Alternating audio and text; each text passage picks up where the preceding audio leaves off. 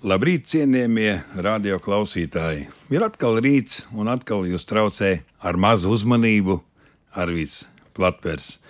Es gribētu pastāstīt savus atmiņas par 9. skolu jaunatnes dziesmu un deju svētkiem, un mēģināšu, ja laiks to atļaus, arī dažus teikumus par desmitiem. Kopumā varētu teikt, ka katrs svētki tika rīkoti ar milzīgu rūpību un ar zināmu sistēmu. Tā noved pie tā, ka mēs centāmies vispirms iepriecināt ar jauniem skaņdarbiem. Un, e, lūk, šie devītie skolēnu svētki ir raksturīgi ar to, ka bija sarakstīti pēc pasūtījuma veseli trīs cikli. Un e, šie cikli tika rediģēti kopā jau ar virsdiriģentiem strādāt tā, lai autori saprastu, ja, un, un par kādiem autoriem mēs eh, varam runāt. Par Jāni Lūsēnu, dziesmu ciklu ar Inês Zanderes vārdiem neatbildēts zvans. Valda Zilvera latviešu tautas dziesmu cikls laika UPS, sešas dziesmas, Un uh, noslēgumā tika dziedāts Ulda Marhileviča dziesmu cikls ar Gunteru Rača vārdiem - gaismas atgriešanās. Lūk, šeit es gribētu piebilst, ka tieši šī skaņdarba dēļ mēs panācām, ka koncerts sāks nevis sešos, septiņos vakarā, bet pusdeviņos. Tāpēc, ka gribējās eh, saturiski paspildināt eh, ar gaismas efektiem, jā, ar krāsām. Un, un es domāju, ka mums eh, tas eh, arī izdevās. Kas vēl bija tāds nozīmīgs šajos svētkos, ka repertuārā iekļāva astoņas dziesmas no katriem iepriekšējiem dziesmu svētkiem nu, it kā atceroties, kādas tās bija tās populārākās dziesmas. Nu, es eh, repertuāru tagad neteikšu, es domāju, ka daudzi, kas dziedāja, noteikti zina.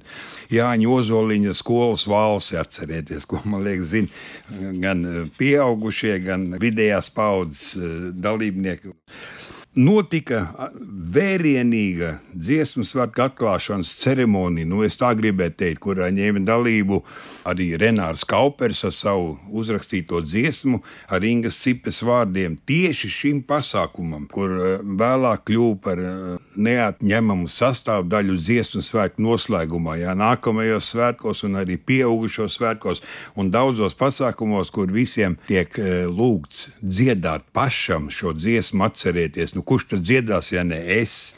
Un pēc šiem svētkiem radās vēlme sakārtot gatavošanās sistēmu. Es tiešām gribu atzīmēt to, ka tas deva labus rezultātus nākamajiem svētkiem, jo tūlīt pēc um, dziesmu svētku noslēguma tika organizēts otro ceturto klašu kopkoris un eh, tāpēc, ka viņi nepiedalās Ziemassvētkos, bet viņi pēc pieciem gadiem jau būs nopietns spēks.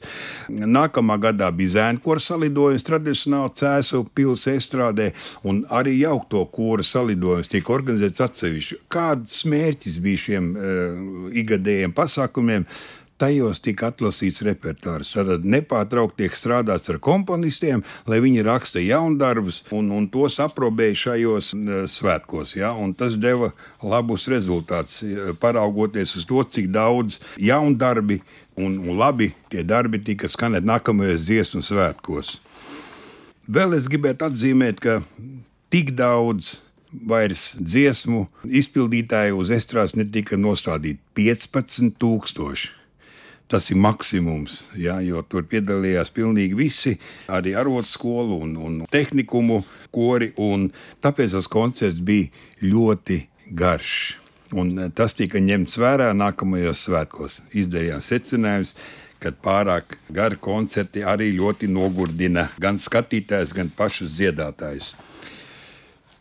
Desmitie latviešu skolēnu dziesmu svētki ir nozīmīgi to, ka pirmo reizi tajos bez dejotājiem, un bez koristiem un bez pūtējiem vēl piedalījās bērnu un jauniešu folkloru kopa. Tas bija tāds nu, jauninājums, un eh, kas ir ļoti eh, atzīmējams, ka skolēniem priekšā parādījās tādi virsdirigenti kā Kaspars Adamsons, Līga Celma, Gins Cepelnieks, jāatzīmē Jevģīņa Ustinskova dalība. Ja, no tālās Daugopils piedalījās kā virsdiriģents. Nu, protams, arī pārējie jau zināmie Jānis Erēnšteits, Edvards Grāvīts, Mārtiņš Klišāns, Romans Vanaks. Mana zeme, zemīte skaistā bija šī koncerta noslēguma moto. Un es jau pieminēju, ka tika speciāli rakstītas dziesmas komponistiem lūgts. Viņas bija tik daudz, ka daudz neietilp šajā koncertā. Un, tāpēc pirmo reizi tika eh, organizēts dziesmu svētku laikā Latvijas Universitātē koncerts Radīt prieks. Režisors Uģis Brikmans.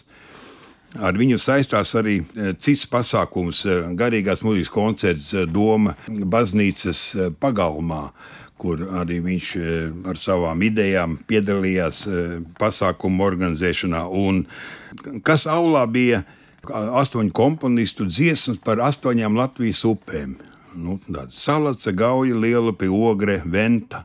Irbe, Aivieksti un Daugau. Un katram autoram bija jāuzraksta uh, savu melodiju. Nu, protams, ņemot vērā milzīgo uh, dziesmu skaitu un arī programmu, tad uh, viņi netika iekļauti dziesmu svētkos, bet tika šajā kā jaundarbi, lai parādītu, ka bez tām dziesmām, ko mēs zinām estrādē, ir arī vēl dziesmas, kuras palika it kā aiz.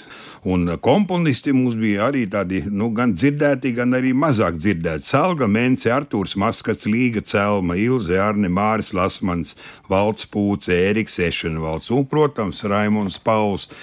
Kas vēl bija ļoti svarīgi, kas arī pārgāja uz pieaugušo koriem, ir pēckoncerta padziedāšana. Tika mm, savāktas kora dziedātāju vēlme kuras dziesmas viņi labprāt dziedātu pēc koncerta oficiālā. Nu, tad tika izdotas 20 dziesmas, un Raimonda Macata vadībā viņas arī tika pēc koncerta dziedātas. Es domāju, ka tas bija impulss, lai arī pieaugušos svētkos konto stadionā šādu koncertu, jauniešu koncertu sarīkot. Ja? Bet man bija patīkami atcerēties, jo es toreiz vadīju tās 20 dziesmas, cik bērni aizrautīgi un pilni estrādi ja? palika pēc koncerta eh, un nodziedāja šīs viņu pašu izvēlētās gan tautas dziesmas, gan, protams, populārās skaistās, kas eh, aizrauja skolēns. Un tā kā bija apritējuši 50 gadi, tad UNESCO atrada iespēju iekļaut to pasaules svināmo dienu kalendārā. Tad eh, līdzīgi kā mūsu pieaugušos svētkos, arī šī masa kustība, skolēnu dziesmu svētki, jā, ir UNESCO aizsardzībā. Mēs ļoti ceram, ka viņi būs mūžīgi, tik ilgi, cik būs pati Latvija.